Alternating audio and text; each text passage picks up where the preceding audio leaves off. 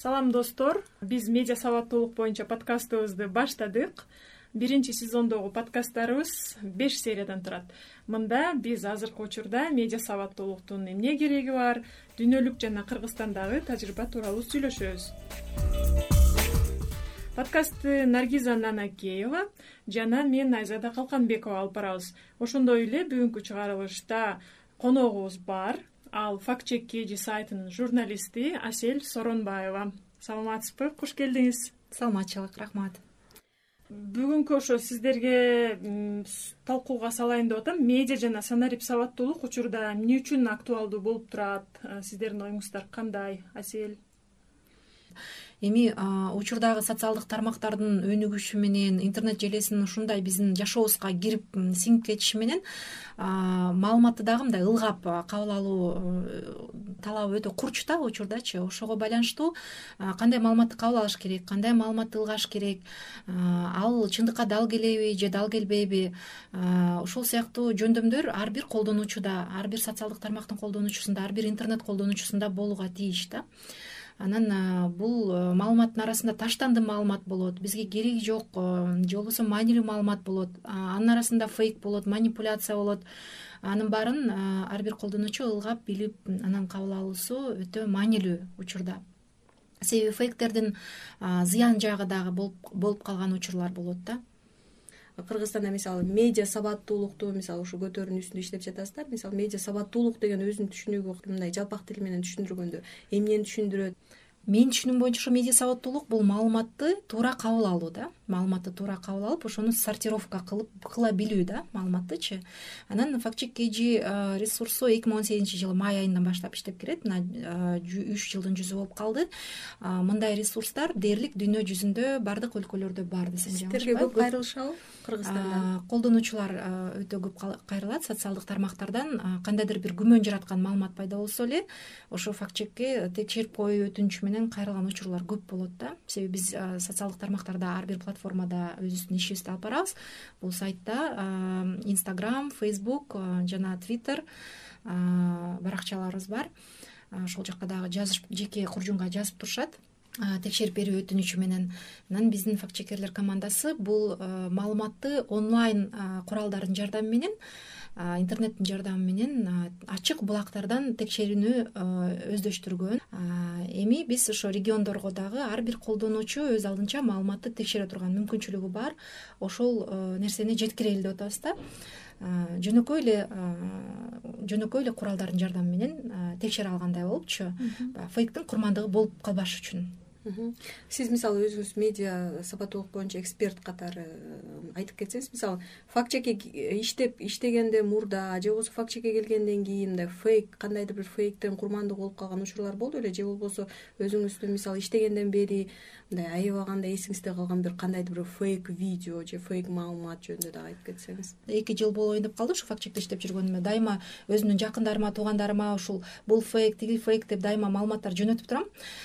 Бирок кечээ күнү эле менин ошо бир тууган эжем акысыз айфон алып ал деген ушундай бир кайырмакка илинип калып өзүнүн жеке маалыматын берип алды да ушу шилтеме аркылуу күмөн жараткан шилтеме аркылуу өтүп ошо whatsappтан болобу бир мессенджер аркылуу анан мага жөнөтүп ушуну текшерип көрчү ушул мен күмөн санап калдым деп калганда мен аябай таң калдым да биз эми канчадан бери эле какшап келатабыз эми же өзүбүздүн жакындарыбызга дайыма айтып келебиз жада калса балдарым да ушинтип калды да бул фейк мама депчи.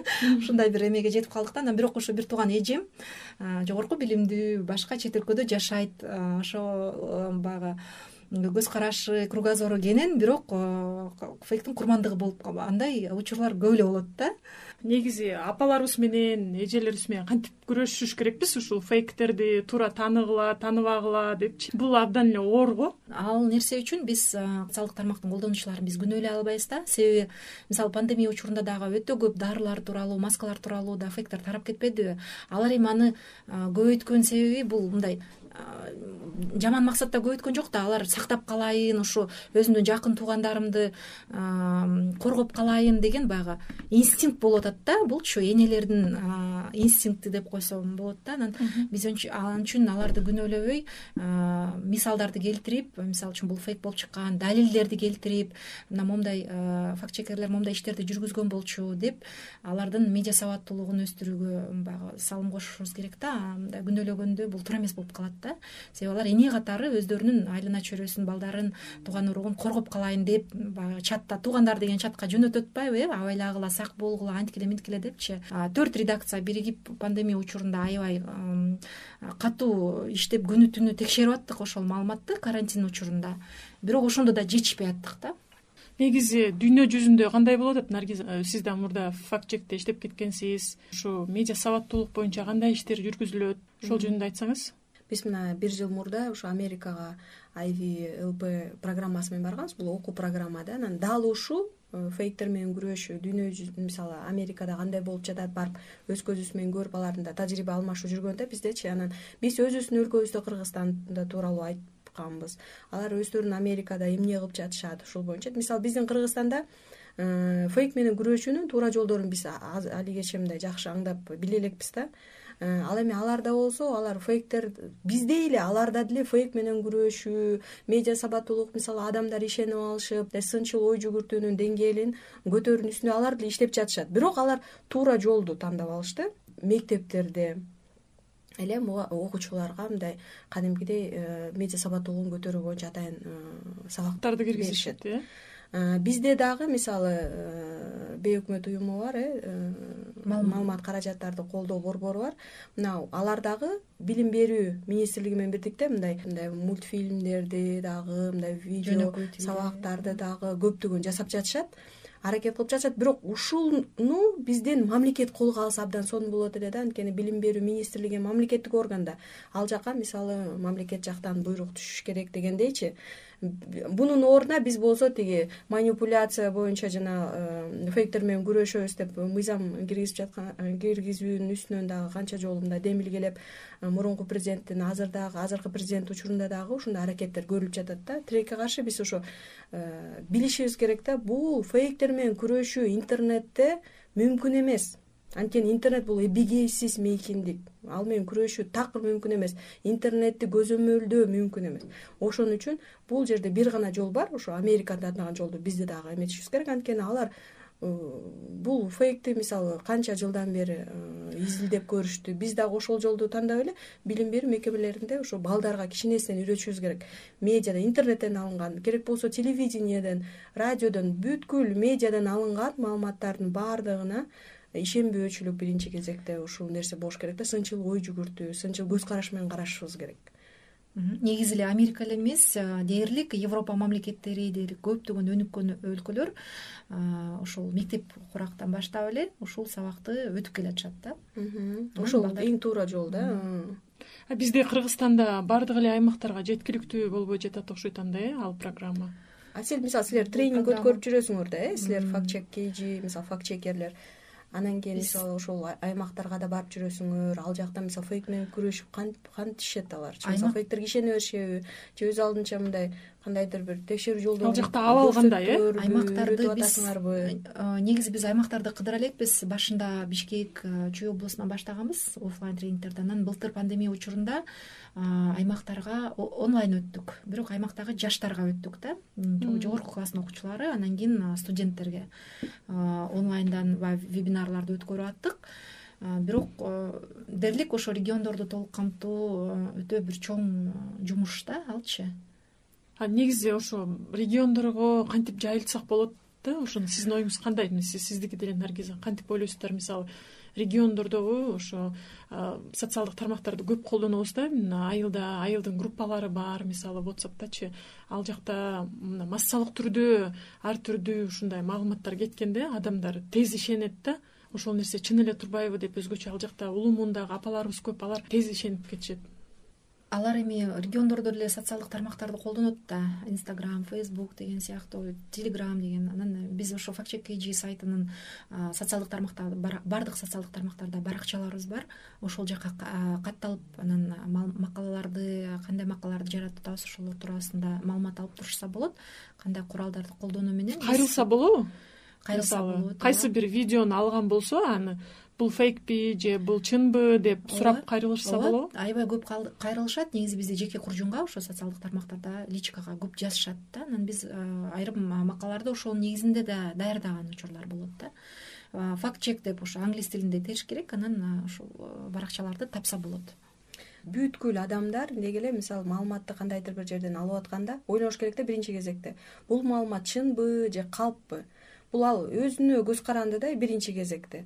Анан экинчиден мына факт чек kg ресурсу бар. Ошол жактан эгерде чынбы же калппы деп текшергиси келсе мисалы факт чек kg сайтына кайрылса фейсбук булардын баардык социалдык түйүндөрдө өздөрүнүн баракчасы бар ошол жактан да текшерип бере алышат.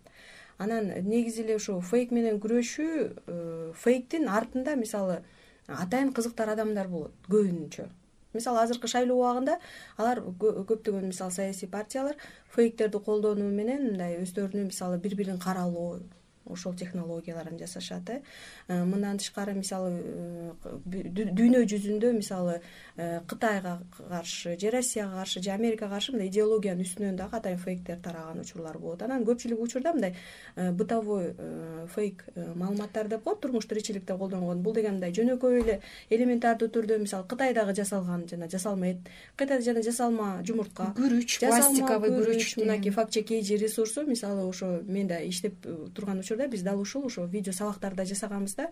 Ошо мынакей кытайдагы жасалма эт деп мынакей видео кетип атабы мына кадимкидей видеодо эт эттей көрүнүп турат. Бирок чындыгында бул болсо пластикалык жанагы трубаларды жасаган эле завод. Ал жерде пластикти кадимкидей кызыл ала кылып эзип туруп эритип туруп анан кийин андан ары ошо пластик жасалып атат. А видеодо эт болуп көрүнүп турат а мынакей кытайлар бизге этти дагы жасалма жасап туруп бизге жиберип атат. Күрүч боюнча деле ошол эле. Күрүч боюнча бул пластиковый бөтөлкөлөрдүн эмеси кристалдары кичинекей желим кристалдары да анан ошол жанагы пленкаларды салып анан кийин жанаг мясорубкадан өткөрүп чыгарып атпайбы э бул ошол бул да күрүч деп берип атат. бирок ал күрүч эмес бул кристалдар ошол ошону үйлөтүп туруп анан бөтөлкө жасайт да. Эң кызыгы ошол видеону мисалы жанагы күрүч боюнча мисалы жасалма Э, кытайдан мынакей жасап атышат дегенди ртр каналы э россиялык мисалы аябай белгилүү популярдуу ошо тв каналдан көрсөтүшкөн. Бул аябай кандай мен жана айтпадымбы фейкти атайын таратышат депчи атайын идеология кытайга каршы. Экинчиден э, бул деген мисалы өздөрүнүн аудиториясын көтөрүү үчүн дагы жасалган. Атайын жасашабы ошондо. атайын фейкти чыгарышат. Көбүрөөк көрүп аларга лайк басып комментарий басып ошентип э, реакция дагы адамдар тарабынан көбүрөөк болот да алардын максаты мына дал ушул. Негизи кандай кыйынчылыктар болуп атат эми азыр ошо фейктерди аныктоодо адамдарды сынчыл көз карашка үйрөтүүдө кандай кыйынчылыктар болуп атат да? Мисалы мен өзүм эле жеке турмушумда мисалы апам аябай кандай социалдык тармактын активдүү колдонуучусу апам мынакей пенсия курагында кудай буюрса э жетимиш жашка жашы жакындап калды буюрса. Ал болсо мисалы ар кандай фейктерге ишенип алып эле фейктер деген мисалы фейктердин жолдору да абдан көп да алар болсо телефондон дагы ар кандай жалган маалыматтарды жиберип мындай өздөрүнүн торуна илип алганга аракет кылышат да. Мисалы көз боемочулук жолу мененчи ар кандай. Ошентип менин апам да бир эки жолу аябай ишенип алган учурлары болгон бир аябай кандай бир мисалын айтып кетейин баягы президенттик шайлоонун алдында садыр жапаров каза болду деген маалымат да чыгып кетпеди беле фейк маалымат э? Аябай кандай тез э, тараган маалымат болду. Анан апам кудай ай! деп түнү бою э, сарсанаа болуп чыкты. Сарсанаа болуп кудай ай! деп түнү бою кудайга жалынып чыкканда ушул маалымат мен айттым да апа сиз ишенбей эле туруңуз бул фейк десем анан кудай ай фейк болуп калса экен кудай ай фейк болуп калса экен деп таң аткыча кудайга жалынып чыккан да. Ден соолугуна зыян адамдардын биринчи кезекте. Кадимкидей атайын мындай айтпадыкпы давление көтөрүлүп басымы көтөрүлүпэ ушундай эмоцияны чакырган мындай ушундай фейк маалыматтар болот да менде дагы кечээ күнү эле жаңы мисал кечинде эле апам келди үйгө. Келип отуруп эле чайга отурсак эле дароо эле видеолорду жөнөтүп баштады. Мага карачы муну мен жолдон келатып көрдүм деди. Мага жөнөтүштү деди. Ал видеону карасам бет каптарынын ичи ичинден кара курттар чыгып атат деп ошону. анан мындан ары бет кап тагынбай эле коелу. Булар бизди ушинтип оозу мурдубузга чейин курттарды киргизип атышкан турбайбы деген видеолорду жөнөтүп анан апа бул фейк ишенбеңиз десем ай фейк деген эмне кайрачы мага. Ооба маскаларды тагынбашыбыз керек. Ал маскага атайын тиги коронавирустун эмелерин сээп коюшат кәдимгидей ошол болгон. Пандемиянын учурунда дагы кайсы? Дезинфекция кылгандан кийин базардагылардын баары ооруп калды деп. Европа өлкөлөрүндө деле ишенишип ошо беш ж антеннаны ошо беш ж антенна коронавирусту эметип таратып атат деп жыйырма алты антенна вышканы талкалап коюшкан экен да өрттөпчү а бирок чындыгында бул фейк эмеден тараган экен. Алгач ошо кытайда коронавирус чыкканда алар жаңы стационар жаңы поликлиникаларды ооруканаларды куруп баштаган да. Анан куруп баштаганда баягы интернетти тияктан тартып келбей эле жаңы эле коюп коелу деп биринчи клиника жасалып. Анан кийин вышка коюлган экен да. Анан ошентип клиниканын жанында вышка боло берип боло берип анан бара бара бул экөөнүн бир байланышы бар болуш керек деген миф пайда болгон да. Балдар аянтчасында эле балдарын ойнотуп отурушат келин кыз келиндер. Анан кийин эле ушу сөз жүрүп калды вакцина боюнчачы эмдөө боюнча. Анан казакстанда бир келин айтып калды казакстандыктар биз такыр эмдөөгө каршы болуп жатабыз. Анткени чип тиги эмдөө менен кошо чип киргизип коет экен. Атайын тиги кытай атайын жасап ошо ошонун үстүнөн атайын ошо чипти киргизип коюп анан адамдарды контролдоп калышат экен аң сезимин депчи анан мен айттым да ошол жерде мисалы отуздай э, кыз келиндер бар эле анан мен айттым. Бул фейк чоң кыз сен мындай айта бербе моундай э, көп элге бул деген фейк маалымат ал чиптерди киргизбейт десем эле. Эже өлүп кетейин. Мынакей мен өз көзүм менен көрдүм колдорун кесип туруп чипти да киргизип атышат деп ушундай мындай чындыкка окшоштуруп караганып айтып койду да берки жактагылар ушинтип айтканда мисалы ишенет да. Бул мындай түздөн түз эле фейк маалымат. Ушунчалык ишенип алган да ошол фейк маалыматтаргачы бул деген э, мындай коркунучтуу нерсе да анткени бул ал сөзү менен биздеги кыргызстандагы адамдарды дагы мындай эмдөөгө каршы чакырык болуп эсептелинет да. Бул аябагандай коркунучтуу нерсе. Ошон үчүн фейк маалыматтар менен күрөштү фейк маалыматтарга ишенбеш керек экенин биз мисалы ушул факт чекерлер э силер жасап жаткан жумуш мисалы аябагандай чоң ролго ээ да мисалы ар бир адам биринчи кезекте ишенбөөчүлүк менен мамиле кылыш керек сынчыл ой жүгүртүш керек э? Өзү ойлош керек а балким бул калп маалымат деген ой биринчи келиш керек да. Ар бир маалыматты окуп жатканда. Сөзсүз түрдө мисалы журналисттер ар кайсы ошол эле теле аркылуу телеканал аркылуу көрсөтүп жаткан материал дагы мисалы жүз пайыз чын деген дагы мисалы кепилдик болбой калышы мүмкүн да. Мисалы керек болсо ошол маалымат каражаттары таратып жаткан маалымат дагы фейк болуп калышы мүмкүн асель сизге кайрылгым келип атат да. Мисалы кеңеш берип кетсеңиз ошо сөзүбүздүн аяк жагында текст түрүндө бир билдирүү келди деп коелу э. Ал жерде мүмкүн ушундай коронавирус деген жок экен ага ишенбегиле деген сыяктуудай мисалы маалыматтар келсе. Ага кантип сын көз караш менен карап кантип анын калп экенин аныктай алат? Фейктердин ошо бир нече белгилери бар бул сөзсүз түрдө эмоционалдуу жазылат фейк дегенчи. Сиз ушул маалыматты окугандан кийин өзүңүздүн эмоцияңызды байкап көрсөңөр кандай абалда болуп атасыңар да? Мисалы бир маалыматты окудук анан маанайыбыз көтөрүлүп түшүп же коркуу сезимдери бир нерсе пайда болот э кооптонуу пайда болду ошол нерсени салмактап көрүш керек анан дароо эле бөлүшкөнгө шашпаш керек. Анан фейктер көбүнчөсү бир бир нерсеге үндөйт да тез бөлүшүңүз срочно көргүлө невозможно молчать. Деп эле ушундай бир сизди бир кыймыл аракетке үндөп турат да. Ошол нерсеге дагы көңүл буруш керек. Анан фейктерде көбүнө эсе башка тилден которулуп калышы мүмкүн автоматтык түрдө баягы программалардын жардамы мененчи ошон үчүн каталар да келип кетип калат да. Баягы сөздөрдү мисалы орусча келсе маалымат ал англис тилинен которулган же башка тилден которулган фейк болуп калышы мүмкүн. Ошон үчүн сиз байкасаңыздар баягы система компьютер которуп койгон да алчы баягы чыныгы адамдын тилине окшобой калат да. Ал нерсе дагы бул фейк экенинен маалымат берет да анан ошол нерселердин баарын көргөндөн кийин бул маалыматты башка булактардан да окуп көрүш керек. Башка булактар бул тууралуу эмне деп жазып атат? Негизги сөздөр аркылуу дезинфекция вертолет түнкү саат он эки деген сыяктуу сөздөр аркылуу гуглдан дагы суроо салып издеп көрүш керек. Мына ошол эң жөнөкөй ыкмалары да.